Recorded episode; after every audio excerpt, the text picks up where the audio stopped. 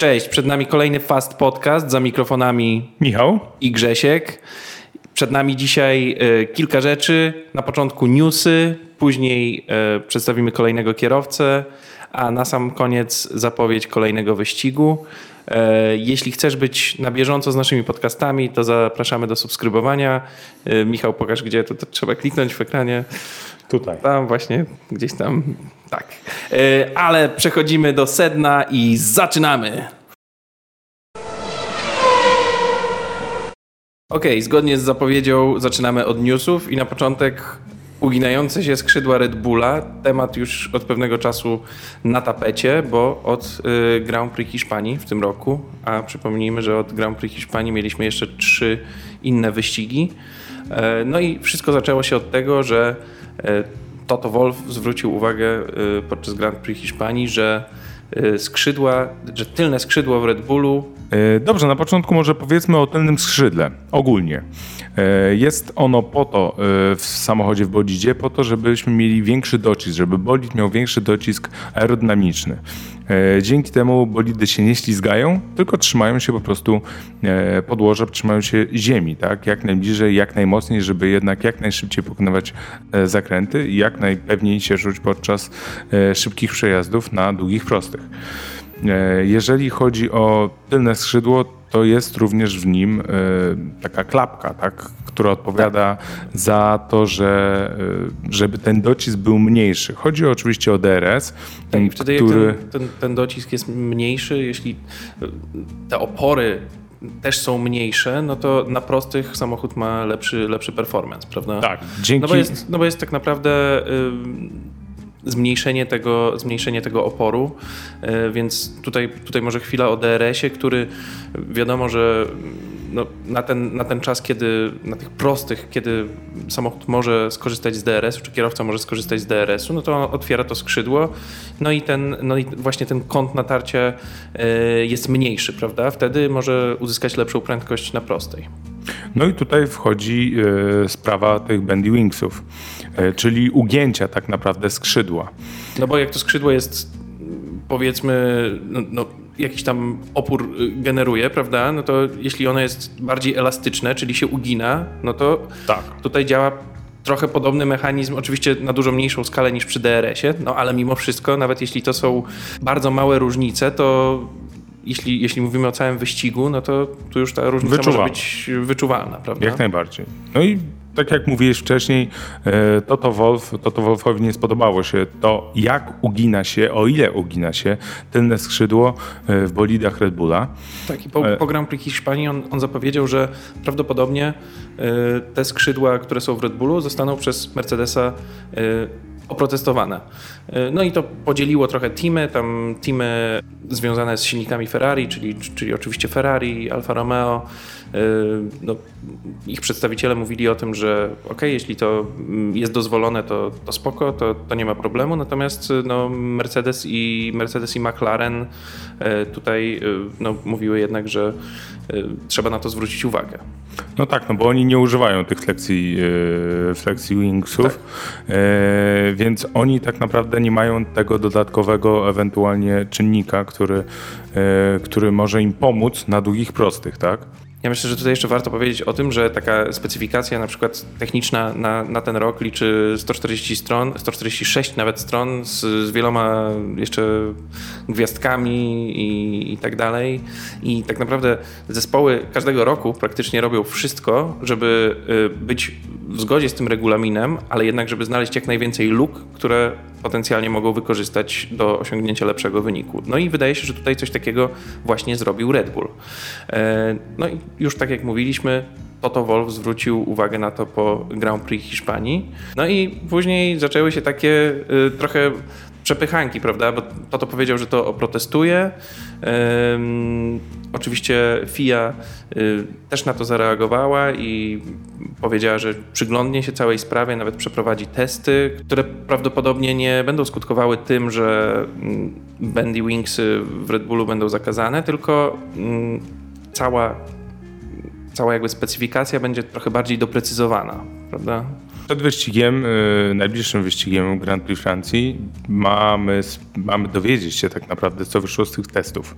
Mają odbyć się testy FIA y, i na ich podstawie będziemy wiedzieć, czy to, co robi Red Bull ze swoimi y, skrzydłami tylnymi jest zgodne z regulaminem, czy jednak może zostać oprotestowane i w konsekwencji będzie musiało być zmienione. A tutaj też warto powiedzieć o tym, ile by kosztowała taka zmiana Red Bulla. Tak, Red Bull wyliczył, że coś takiego, to przeprojektowanie tylnego skrzydła to jest koszt pół miliona dolarów, co jak wiemy ze względu na ograniczony cap e, no, jest dosyć dużym e, tak tak naprawdę wyzwaniem i no, dosyć dużą utratą środków na, na, inne, na inne tak naprawdę innowacje czy, czy doskonalenie y, obecnego bolidu. No to trochę chodzi Mercedesowi, tak? No bo nie oszukujmy tak. się, jeżeli oni przeznaczą pół miliona na, na to tylne skrzydło. To tam ponownie, będą mieli pół miliona tak naprawdę przewagi na, Dokładnie. na dodatki, prawda? Y, natomiast tutaj zaczęła się taka słowna przepychanka między Wolfem i Hornerem i y, Horner tak naprawdę w reakcji na na, to na te słowa Toto Wolfa i często komentarze na temat Bandy Wingsów e, powiedział, że Toto Wolf tak naprawdę powinien e, no, mm, no, trzymać gębę na kłódkę, prawda? Natomiast e, na co Toto Wolf mu odpowiedział, że tak naprawdę to jest, on, on go określił jako takiego windbaga, czyli takiego gadułę, który dużo gada dla rozgłosu, a zapomina tak naprawdę o tym, co się stało w 2014 roku. Bo warto jeszcze powiedzieć, że y, Horner z kolei powiedział, że okej, okay, może nasze skrzydła są trochę y, takie elastyczne, y, jeśli chodzi o tylne skrzydło, natomiast zobaczcie skrzydła przednie Mercedesa, które również się wyginają i nawet przy ostatnim wyścigu podczas właśnie Grand Prix Baku było, mm, było widoczne, jak, jak to skrzydło faktycznie przednie pracuje. No wiadomo, że te wszystkie elementy są mm, z lekkich materiałów robione, no i one są chociażby na, na różne yy, czy, czy właściwości toru, czy warunki atmosferyczne no, wrażliwe i, i jednak, jednak nieco się poruszają. No tak, ale to, to jakby pokazuje, jak wygląda Formuła 1. Tak? To, nie są tylko, tak. to nie są tylko prace zespołów, to nie są tylko e, wyścigi kierowców, ale również to, co wszystko wokół. Czyli to, tak jak mówiliśmy, że jeżeli oprotestujemy, jeżeli oni będą musieli jednak zrobić to nowe skrzydło, zapłacą za to, czyli będą mieli mniejsze, e, mniejszą ilość pieniędzy do rozdysponowania na inne po prostu nowości. Tak, no ale wracając jeszcze do wątku tej przepychanki słownej między Toto a e, Christianem Hornerem, to... Mm, Toto Wolf z kolei tak zareagował, że mm, to przypomnijcie sobie, co y, wy mieliście z przednimi skrzydłami w 2014 roku, kiedy to y, tak naprawdę też y, te przednie skrzydła Red Bulla były, były bardzo wyginające się i co, co skutkowało mm, podczas Grand Prix Abu Dhabi tym, że mimo mm, czasów kwalifikacyjnych uzyskanych przez Red Bulla, mhm. obaj kierowcy zostali cofnięci do wyścigu na, na ostatnie pozycje. Także tutaj ta przepychanka słowna jest ciekawa, to taka drama mała się robi. E, zawodnicy się włączyli, zawodnicy powiedzieli, e, tak naprawdę um, Luis powiedział, że, że tak naprawdę Toto Wolf i Christian Horner powinni się spotkać na ringu, e, na co, na co Max Verstappen powiedział, że um, okej, okay, fajny pomysł, ale tak naprawdę różnica wagowa to sprawi, że oni nie będą w tej samej kategorii walczyć. E, natomiast Louis odpowiedział, że jednak w tej samej kategorii wagowej e, będą walczyć, tylko że Toto ma e, większy zasięg. No i zawodnicy też doszli do tego, że w ogóle większość tych sporów powinna się kończyć na ringu, zamiast, zamiast tak naprawdę jakimiś karami nakładanymi przez FIA. Także obrócili to trochę w żart. No i też o tym, co, co mówiliśmy przed chwilą, że prawdopodobnie to będzie rozszerzenie tych, e, to będzie rozszerzenie tych e, regulacji bardziej niż coś, co będzie skutkować e, koniecznością zmiany tylnego skrzydła przez Red Bulla. No tutaj Toto Wolf już powiedział, że raczej, że raczej jednak tego nie oprotestują. Także mm -hmm tak to na ten moment wygląda. Czekamy na kolejne newsy. Na pewno, na pewno będziemy informować na bieżąco w kolejnych podcastach, jak ta sprawa się zakończyła. No może już za tydzień, tak? tak. Może już po Grand Prix Francji czegoś więcej się dowiemy. Jasne. I no, przechodzimy dalej, no bo tutaj. Yy też jeszcze echa poprzedniego wyścigu, czyli kwestie opon y, wybuchających, kolokwialnie mówiąc, opon Lensa Strolla i Maxa Verstappena, prawda? Tutaj mówiliśmy o tym, że Pirelli już W Mediolanie, tak, Tak. szykuje, szykuje testy. szykuje audyt, szykuje testy, e, no i przewidywaliśmy, że z tych testów za bardzo nic nie wyjdzie, podobnie też zawodnicy prze, przewidywali, natomiast e, no, dzisiaj mamy już wyniki tych testów. Tak. No i e, początkowo e, wszyscy myśleli, że Pirelli zwali winę na e, jakieś odłamki, czy Czyli na czystość toru powiedzmy. tak, na czystość toru, e, ale to nie to. To nie to, oni troszeczkę inaczej do tego podeszli. Powiedzieli, że tak naprawdę winą było ciśnienie w oponach, to jest jedna rzecz, i e, wysoka temperatura na wewnętrznej ścianie w oponie, tak? Czyli jakby Tak. wewnątrz. I to e, spowodowało pęknięcie na tej wewnętrznej Tak. ścianie w oponie, czyli tej ścianie, wiadomo na pewno, która jest bardziej, ona jest bardziej narażona na wysoką temperaturę. To w połączeniu z minimalnym ciśnieniem, które podobno mieli kierowcy, ale oczywiście wszystko jeszcze było No w właśnie, granicach to, normy. to też warto powiedzieć, że wszystko było w granicach normy. To nie było tak, że to ciśnienie było za niskie bądź za wysokie. Powiem tak, tak naprawdę dosyć dużo o tym napisali, dosyć dużo o tym powiedzieli, no ale koniec końców e, to nie jest ich wina. To, to nie jest wina oczywiście Pirelli.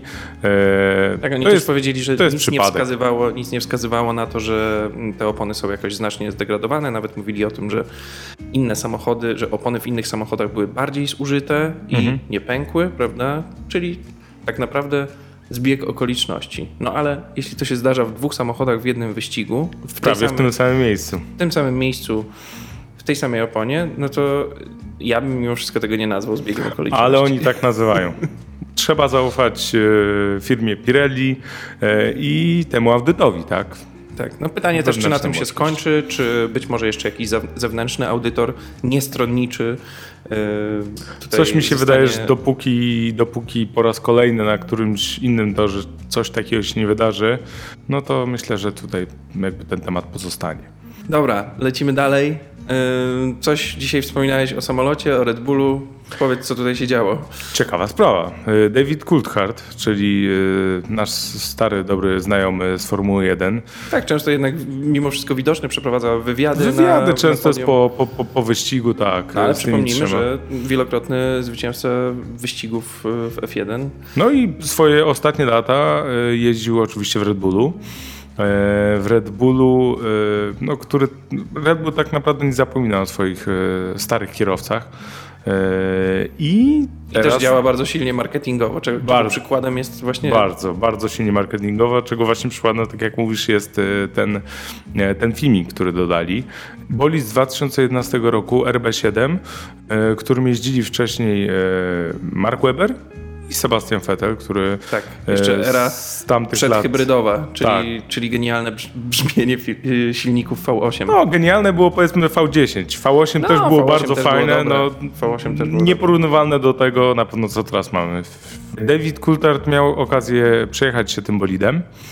E, Co ciekawe, e, nad nim on jechał bolidem, a nad nim jechał samolot. No, nawet leciał. E, Nawet leciał samolot, jak najbardziej.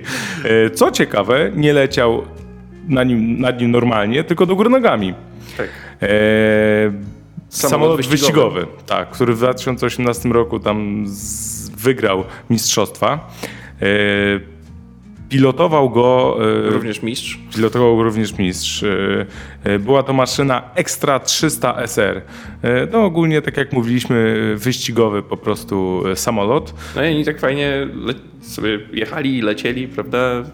Jeden, Ciekaw- jeden na drugim w takiej, takiej Ciekawie, konfiguracji. ciekawie to wygląda, biorąc pod uwagę. Podlinkujemy tutaj. y, Tak, tutaj mniej więcej będziecie mieli możliwość obejrzenia, ale y, ciekawe, że to było bardzo, no, bardzo niewielka odle- odległość między nimi, kilka metrów tak naprawdę. E, filmik No jest ciekawy. ciekawost- ciekawostka, ale kolejny jakby kolejna dobra produ- produkcja marketingowa Red Bull- Red Bulla. Red Ale Bull Red Bull, przy- Red Bull robi to cały czas praktycznie. Tak, tak, tak, tak. Już Także tutaj chyba nie ma sobie równych, jeśli chodzi o promocję i swojego teamu i, i, i te wszystkie rzeczy związane z właśnie z takimi em, no, ciekawymi, ale na krawędzi ryzyka rzeczami. nie jest prawda? nudny. Nie jest nudny zdecydowanie. Jasne. Dobra, czy coś jeszcze mamy z newsów takich y, mniej ważnych, y, jeśli chodzi o, no nie mówimy wiadomo tutaj o wyścigu, o którym zaraz powiemy, y, tym, tym co się wydarzy w najbliższy weekend. Natomiast teraz przechodzimy do kolejnego kierowcy, którego sylwetkę chcemy przedstawić z obecnego gridu i jest to Charles Leclerc. Czyli zmieniamy po raz kolejny zmieniamy team. team. tak. Będzie to Ferrari. Tak, mieliśmy już, mieliśmy już e, w kilku poprzednich odcinkach e, i Louisa Hamiltona, i Maxa Verstappena, i Lando Norrisa. Norrisa. Czyli czwarty zawodnik, czwarty team. Tak, Leclerc znowu, podobnie jak Lando, jest z tej, jest z tej młodej gwardii kierowców. I tutaj y, może warto zacząć od tego, że tak naprawdę jego przygoda z takimi bardziej profesjonalnymi one-seaterami zaczęła się w 2014 roku, ale y, swoją pierwszą przygodę z Formułą 1 miał już w 2016 roku. Jeszcze oczywiście nie jako etatowy kierowca, bo, bo dopiero jako etatowy kierowca w 2018 roku. Natomiast w 2016 roku dołączył do Ferrari Driving Academy. No i to mu troszeczkę no, dużo dało, tak? bo tak naprawdę biorąc udział e, w tym teamie Ferrari dla, dla młodych kierowców, e, stał się w 2017 roku e, kierowcą testowym dla trzech zespołów. No bo i dla Hasa, i dla Zaubera, i dla E, właśnie Ferrari. No, wszystkie jakby te trzy teamy korzystały oczywiście z silników Ferrari, stąd też e, był kierowcą testowym tak. dla wszystkich trzech. Co ciekawe, pierwszy raz za kierownicą bolidu y, Formuły 1 mógł zasiąść już w 2016 roku i wtedy dla Hasa, prawda? Mhm. A w 2017 roku już na pełny etat y, jeździł w Formule 2. I tutaj jeździł z dużymi sukcesami oczywiście, no bo y, zdobył mistrzostwo Formuły 2. To był jego pierwszy, pierwszy, pierwszy sezonie w F2. Y, zdobył mistrzostwo, także pr praktycznie znaczyło to, że Leclerc jest gotowy już do jazdy w F1.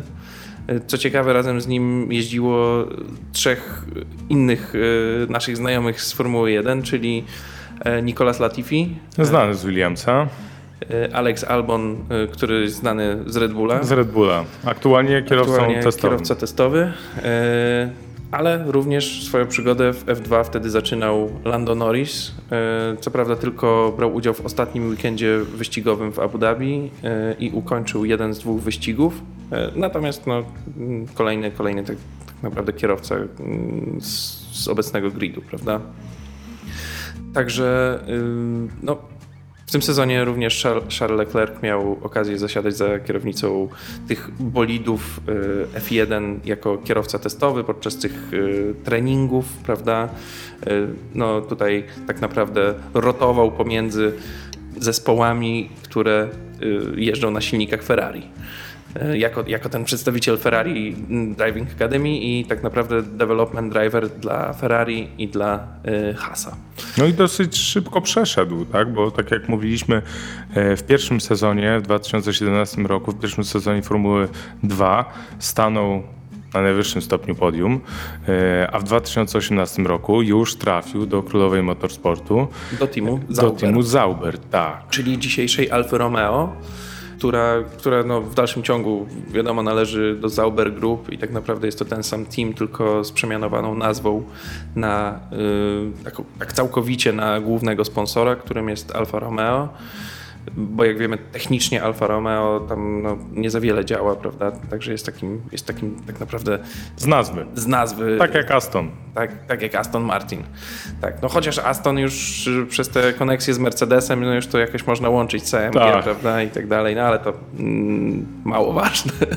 Także Charles zaczyna swoją karierę w 2018 roku w Zauberze. U boku Markusa Ericssona. U boku Markusa Ericssona. Co ciekawe, e, Markus Ericsson e, w przedostatnim wyścigu, sobotnim przedostatnim wyścigu w Detroit e, wygrał wyścig w serii IndyCar. Więc no też ciekawe się to wszystko potoczyło, że no, część kierowców znajduje faktycznie swoje miejsce z Formuły 1 e, w IndyCar. No, drugim tak. takim kierowcą jest Grosjean chociażby, który jeździ. Tak, no ale mieliśmy mnóstwo takich kierowców. Montoya mnóstwo było takich, tak. E, no ale e, mimo wszystko w tym sezonie debiutanckim Leclerca, no on zdeklasował Ericssona, prawda? No bo tam była mm, w Zauberze, który wiadomo nie jest, czy nie był jakimś potentatem. No wiemy jak dzisiaj Alfa Romeo jeździ, wtedy ten team był troszkę wyżej, wydaje mi się, troszkę miał większe możliwości. Y, natomiast ta różnica była duża, bo y, w tym sezonie 2018 on zdobył 39 punktów, Charles Leclerc. Natomiast Ericsson jedynie 9. Y, I Różnica tutaj, bardzo, bardzo dużo. Tak, ale już y, ocierał się o dobre pozycje. O siódme, y, miał kilka siódmych miejsc. Szóste miejsce to była jego najwyższa lokata zdobyta w Baku. I tutaj y, on zakończył ten, e, ten sezon na 13 pozycji. Weźmy przede wszystkim pod uwagę to, e, jakim bolidem dysponował. No, tak naprawdę jak myślałeś o Alfa, Alfa Romeo Zauber tak. wtedy e, w 2018, to nie myślałeś o tym, że może on dojechać na siódmej pozycji, ale faktycznie tak się zdarzało. No trzy ostatnie wyścigi tak. były na siódmych pozycjach, więc... Wyobraźmy sobie dzisiaj Alfa Romeo, które dojeżdża na szóstym miejscu. To by był to był kolosalny sukces. Ale ja myślę, że to jest. Yy, Leclerc jest podobny jakby do Gasliego. Czyli tak jak Gasly maksymalnie wykorzystuje swój bolid Alfa Tauri, yy, tak samo Leclerc wykorzystywał swój bolid yy, Zaubera. I myślę, że można porównać, yy, jeżeli chodzi o to, tych dwóch kierowców. Tak, no z tym, że mm, Gasly niestety został trochę zdegradowany, bo był w tej, był w tej no, w tym najwyższym teamie, prawda, w jednym z najwyższych teamów, czyli, no, czyli w Red Bullu. Nie sprostał niestety. Nie sprostał, i, no, ale zresztą mówiliśmy o Gaslim ostatnio. Mamy nadzieję, że tutaj e, znajdzie mm, trochę lepszego pracodawcę. Natomiast Leclerc już po jednym sezonie właściwie zamienił się miejscami z Kimim Raikkonenem e, na sezon 2019 i trafił do Scuderii Ferrari. E, pamiętam to przejście. Na początku e, była informacja o tym, że e, Kimi Raikkonen przechodzi do Alfa Romeo Zauber. Wtedy tak naprawdę nie wiedzieliśmy, kto, po pierwsze, kogo zastąpić, czy Leclerca, czy Ericssona. Po drugie, nie wiedzieliśmy, kto trafi w miejsce e, Ferrari, tak? W miejsce jego, Kimiego tak, Raikkonena. Natomiast to na pewno nie było przypadkowe, tam, tam nie było przypadku. I... Nie było to przypadkowe, ale pamiętam, że pomiędzy jedną informacją odnośnie Kimiego, a odnośnie drugą informacją odnośnie Leclerca, no, by, by była jakaś chwila. Czas. Tak, i były jakieś, no, wiesz, były spekulacje oczywiście. Były spekulacje. Wiadomo. Natomiast Ferrari genialny start, prawda? No bo ten sezon 2019 jeszcze um, było to Ferrari, które realnie mogło walczyć z Mercedesem to było to Ferrari, które jeszcze nie miało takiego spadku. Jak w 2020 roku. Tak, to było Ferrari, gdzie, no okej, okay, no, nie walczyli tak naprawdę cały czas o zwycięstwo. E, no, no, nie było to Ferrari z lat świetności z Schumacherem, ale nie było źle. Dopiero oczywiście w 2020 roku pojawiły się gigantyczne problemy. Ale nie o tym. Może przejdźmy tak jak Leclerc jeździł w 2019 roku, to o czym powiedziałeś. Wtedy już po raz pierwszy sięgnął po wygraną. No, nawet po dwie wygrane w tym sezonie, bo tutaj i Belgia, i Włochy. Natomiast aż dziewięć razy stawał na podium. Także to genialny rezultat. I yy, finalnie czwarte miejsce, 264 punkty na koniec sezonu.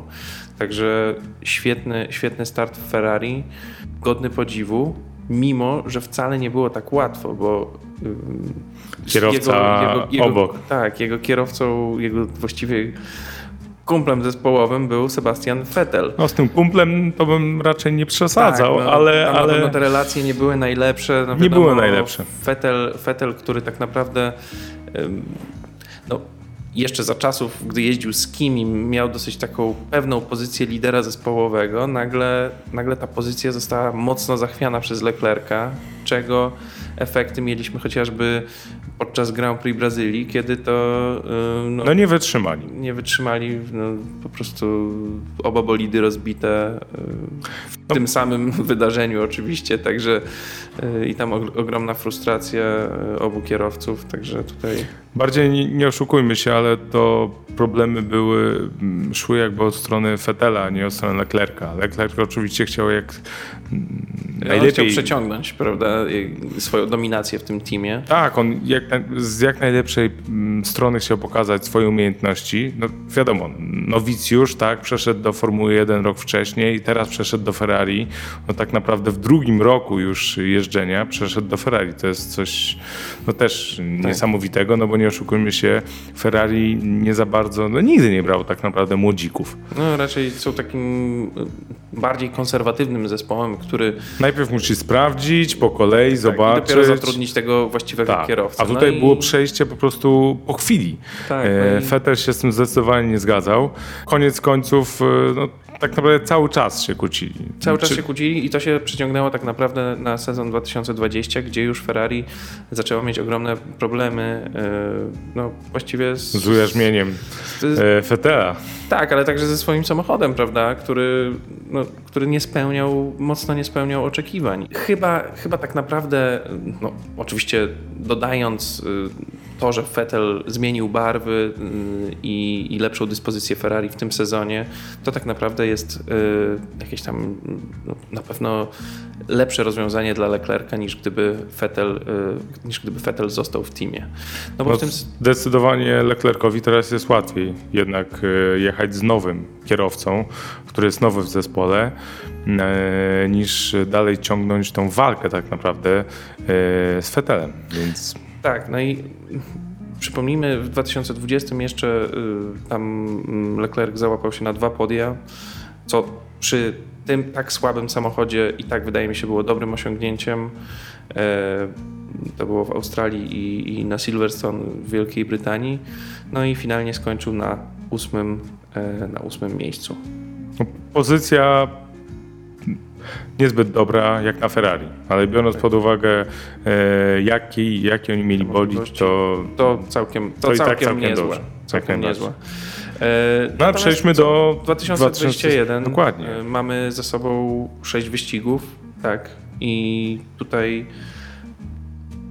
trzy czwarte miejsca jak na razie.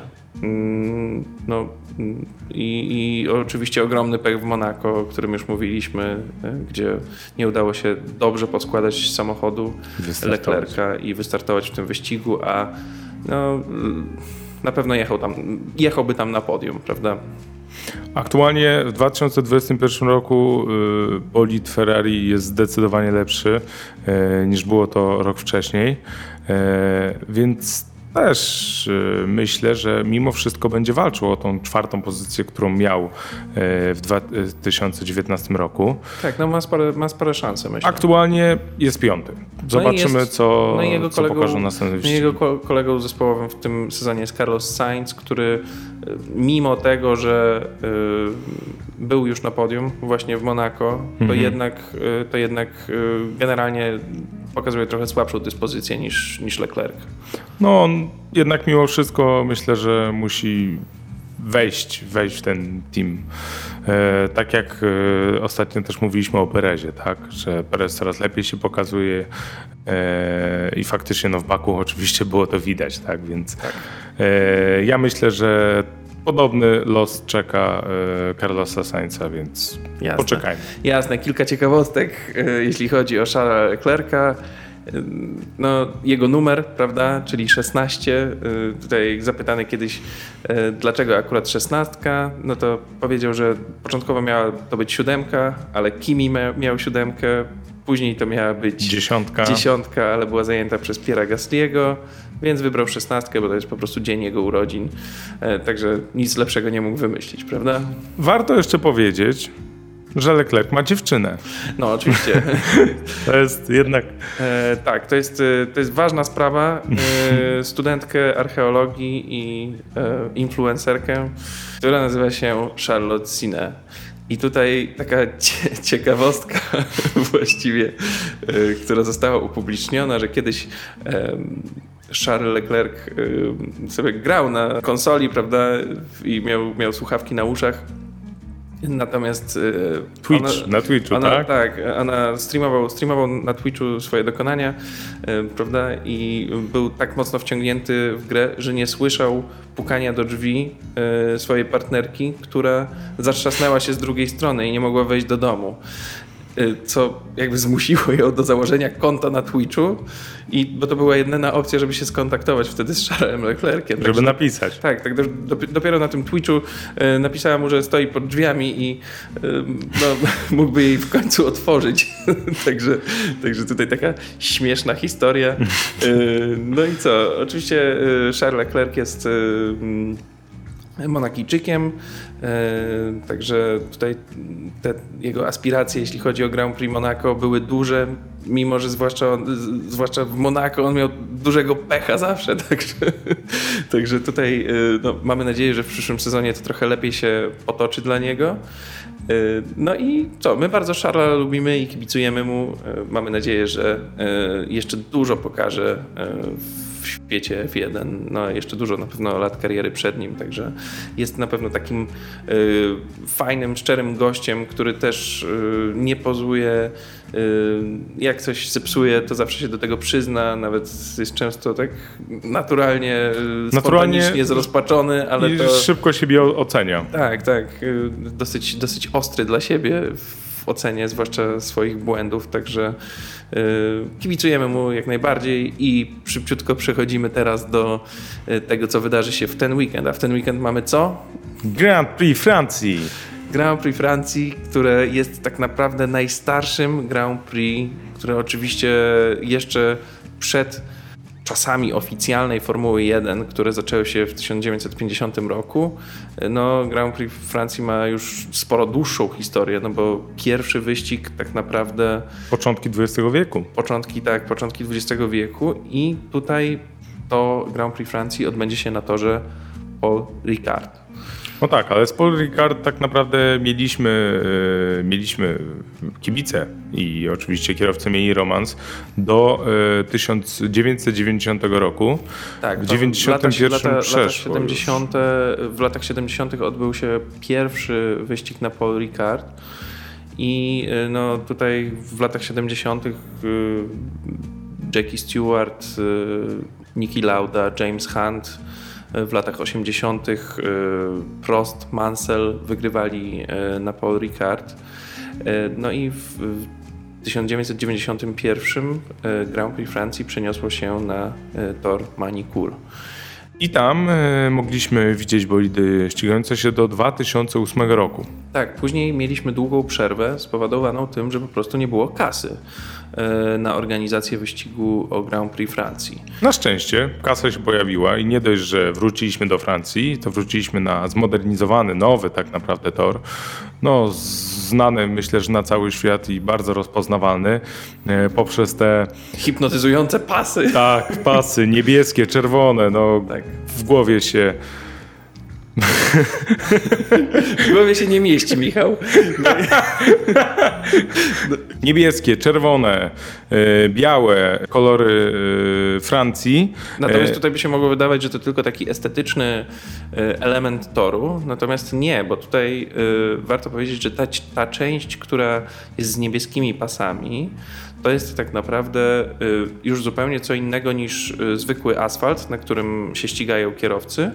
E, Tam już jest mieszanka asfaltu i e, Wolfranu. Wolframu, tak. Y, I tak naprawdę, czemu, czemu mają służyć? A już kolejna warstwa to jest, y, czy tam kolejna część, gdzie pojawiają się te czerwone pasy, no to y, tutaj y, to jest taka nawierzchnia, która, właściwie te dwie nawierzchnie, one zastępują coś, co widzimy na normalnych torach. Musi być, e, znaczy tutaj chodzi o chropowatość powierzchni. I tak naprawdę Tak, na innych torach mamy pułapki żwirowe, później mamy pułapki, nie wiem, z piasku. Tak. Tylko po to, żeby jednak bolid, jeżeli wyleci z toru, to żeby schamował i żeby tak naprawdę nie dotknął bandy, żeby nie został uszkodzony. Tak, ta, ta czerwona, ta, ta czerwona strefa, ten, te czerwone pasy, to właśnie e, one mają za zadanie jak najbardziej mm, właściwie zmaksymalizować możliwości hamowania. Czyli, czyli tak jak mówisz, żeby nie wlecieć w bandę. No przez to oczywiście tor jest bardzo bezpieczny. E, kierowcy to wykorzystują w poprzednich, e, w poprzednich latach. Widzieliśmy jak często, jeżeli coś im nie szło albo nie wiem, ścigali się koło w koło z jakimś bolidem, woleli pojechać prosto, naokoło i tak naprawdę no, przy czym trzeba pamiętać, że na, tym, na tych czerwonych pasach te opony się yy, również dużo bardziej No, degra degradacja jest bardzo duża, tak, jak tak, najbardziej. No, ale to... Wyjazd tam wcale nie musi oznaczać tego, że wszystko jest ok, mogę dalej kontynuować wyścig. Okej, okay, tylko weźmy pod uwagę, że na innym, normalnym powiedziałbym torze, gdzie są pułapki żwirowe czy piach, to jest zero-jedynkowo. Wiedzie, nie wyjedzie i koniec, tak? Koniec wyścigu. Więc jeżeli popełnia błąd, e, nie może wyjechać, e, nie może brać udziału dalej w wyścigu. Natomiast tutaj w najgorszym wypadku. Musi zjechać na zmianę opon. Dokładnie. No i ten e, wyścig o Grand Prix Francji, właśnie na torze Paul Ricard, on wrócił w 2018 roku, czyli mieliśmy ściganie w 2018, w 2019 w 2020 z wiadomych powodów nie było tam e, ścigania się, natomiast tutaj znowu mamy, e, znowu mamy w tym roku powrót. E, no i może trochę o tych wyścigach, które, które się tam odbyły już po, po powrocie do Grand Prix Francji, czyli lata 18 i 19. No przede wszystkim myślę, że musimy zacząć od tego, że podobnie jak z, mieliśmy sytuację z Monako, tak? W zeszłym roku nie odbywał się tam wyścig. E, bolidy od 2019 roku bardzo się zmieniły. E, kierowcy też zmienili swoje teamy. teamy. E, no tak naprawdę ciężko jest tutaj doszukiwać się i zastanawiać się, kto mógłby zwyciężyć, kto mógł być, nie wiem, w tym top 6 nawet. No oczywiście powtarza się, e, powtarzały się dobre wyniki e, Mercedesa, dobre wyniki e, Red Bulla i Ferrari. Tylko Ferrari no, z lat 19, gdzie oni jakby mieli swoje mm, no, dużo, dużo, tak jak przed chwilą mówiliśmy, lepsze wyniki niż w 2020 roku. Tak, no Więc... ciężko tutaj obstawiać Ferrari, bo okej, okay, Ferrari mogło być mocniejsze trochę na tych wolniejszych torach, prawda? E, natomiast no, tutaj wszystko wskazuje na to, że Mercedes może być, e, może być mm, w formie lepszej na pewno niż Monaco i e, no, no bo wiadomo, o Baku, o Baku już, tor, już tor normalnie. Chociaż, chociaż forma Walteriego, no może. Mm, to tutaj Walteri nas może zaskoczyć, więc ja bym już Walteriego do pierwszej szóstki w ciemno nie wrzucał, bo już dwa razy mi się to nie udało. No z Zobaczymy. Ja myślę, że Walteri będzie walczył jednak o swoje. Przede wszystkim będzie walczył o ten kontrakt na 2022 rok. Ale myślę, że on już też trochę już mu jest. Myślę, że. Nie wiem, czy obojętny, on już chyba stracił, stracił wiarę sam w siebie, bo no, to, co pokazał na ostatnim, przy ostatnim wyścigu w Baku, to. Ale o tym już mówiliśmy. Może Dobra. jednak mimo wszystko zastanowimy się, e, których kierowców byśmy, no nie wiem, powiedzmy w pierwszej szóstce. Tak, tak, tak, tak. No ja myślę, że tutaj duet Red Bulla yy no, mimo wszystko w świetnej dyspozycji, chociaż no, ciekawy jestem, jak ten, ten wypadek, ta sytuacja, czy ona wpłynie jakoś na Maxa. Max ostatnio mówił e, w wywiadzie, że okej, okay, to jest, co, co się stało, to wiadomo, przykry incydent i tak dalej, ale chwilę się posmuci i za parę godzin już będzie gotowy do następnej jazdy. Także myślę mimo wszystko, że Maxa i Czeko możemy do tej pierwszej szóstki e, włożyć. Ja jestem przekonany, no chyba, że tutaj coś, oczywiście ktoś w nich wjedzie albo wybuchnie im opona, ale y, tego nie obstawiamy. Ja myślę, że dwóch kierowców na pewno Mercedes, ale no, z tym Bottasem, tak jak przed chwilą rozmawialiśmy. Dobra. Hamilton. Bez, nie wiadomo. Bez Hamilton, Hamilton na pewno. E, no teraz co do, co do zastanowić, co dalej, nie? Czy, czy tutaj. No, czy Ferrari, czy McLaren? No, myślę, że Lando mimo wszystko um, o, tą, o tą pierwszą szóstkę może powalczyć mimo mm, tam no, nie najlepszej dyspozycji w Baku. I co? Ferrari, y, Leclerc, myślę, że myślę, że też możemy go typować do tej pierwszej szóstki, prawda? Czyli mamy Norrisa, Leclerca, y, Hamiltona, Pereza i Verstappena. No i pytanie, kto szósty? To jest y, zagadka. E, ja bym jednak chciałbym i wierzę w to, że jednak Gasly się pojawi w pierwszej szóstce. Co prawda, w 2018 roku no nie dojechał w ogóle do mety. W 2019 roku za starami Red Bulla, czyli tego, nie oszukujmy się, lepszego bolidu, e, zakończył e, na dziesiątym miejscu. Ale ja bym jednak tam mu to miejsce pozostawił w tej pierwszej szóstce, bo jeździ rewelacyjnie ostatnio, ma swój najlepszy czas, więc... No to będzie, to będzie, to będzie jego wyścig, prawda? Po Grand Prix Francji. Dokładnie. E, to będzie też wyścig na pewno, e, w którym będzie się chciał pokazać zespół Alpine, e, czyli francuski zespół. No już wiemy, jak to jest z tym pokazywaniem się A, tak. przy, przy No, może być- może być więc różnie. y, Może być różnie, także... niech normalnie jadą już bez... No nie wiem, ja jednak, ja jednak e, mimo że też życzę Gasniemu, żeby poszło mu jak najlepiej, to byłbym bardzo ostrożny z tym pakowaniem go do pierwszej szóstki. Także może No zatrzymajmy się na tej piątce, co? I No to kogo na szóstce? kogo na szóstce? No. Mm, Okej, to ja bym bardziej niż Gastiego mimo wszystko e, tutaj e, Carlosa Sainza. Sainz. Tak. Okej. Okej, ty Gasly, ja Sainz. E, czyli mamy pierwszą szóstkę. Kto wygra? Ja myślę standardowo odpowiedź w tym roku. Albo Hamilton, albo Max. Dobra, ja stawiam na Maxa. Na Maxa. Tak. Ja na Hamiltona nie postawię. Okej. E, więc też na Maxa. Mimo dobra. wszystko e, wierzę w to, że wygra, aczkolwiek no, aktualnie jest y, w generalce pierwszy, więc może dobrze, żeby jednak to się odwróciło, żeby Hamilton zbierał trochę tych punktów, żeby cały czas No, szli. zwłaszcza, że Hamilton w 18 i 19 wygrywał ten wyścig. No właśnie, więc ja też myślę, Także że on... on coś tutaj może... mm, No czyli wszystkie tak naprawdę rozgrywane e, ostatnio wyścigi, tak? Tak. Które tam były, więc no, zobaczymy. Okej. E, No, jesteśmy w miarę zgodni, więc, e, więc fajnie. Tutaj nie ma za dużych rozbieżności, tylko ten powiedzmy szósty, szósty kierowca. Co ciekawe, e, trochę o tym torze. Oficjalny rekord Sebastian Vettel w 2019 roku, nieoficjalny Lewis Hamilton. Także mm, tutaj mamy 15 zakrętów, dwie strefy DRS, w tym mm, długa, długa strefa na prostej Mistral, czyli tej, tej głównej prostej. E, Mamy. mm, Druga między siódmym a ósmym tak, zakrętem, tak? druga, druga strefa między siódmym a ósmym, czyli, czyli tak naprawdę w połowie, w połowie dystansu. E, No i wyścig będzie liczył 53 okrążenia.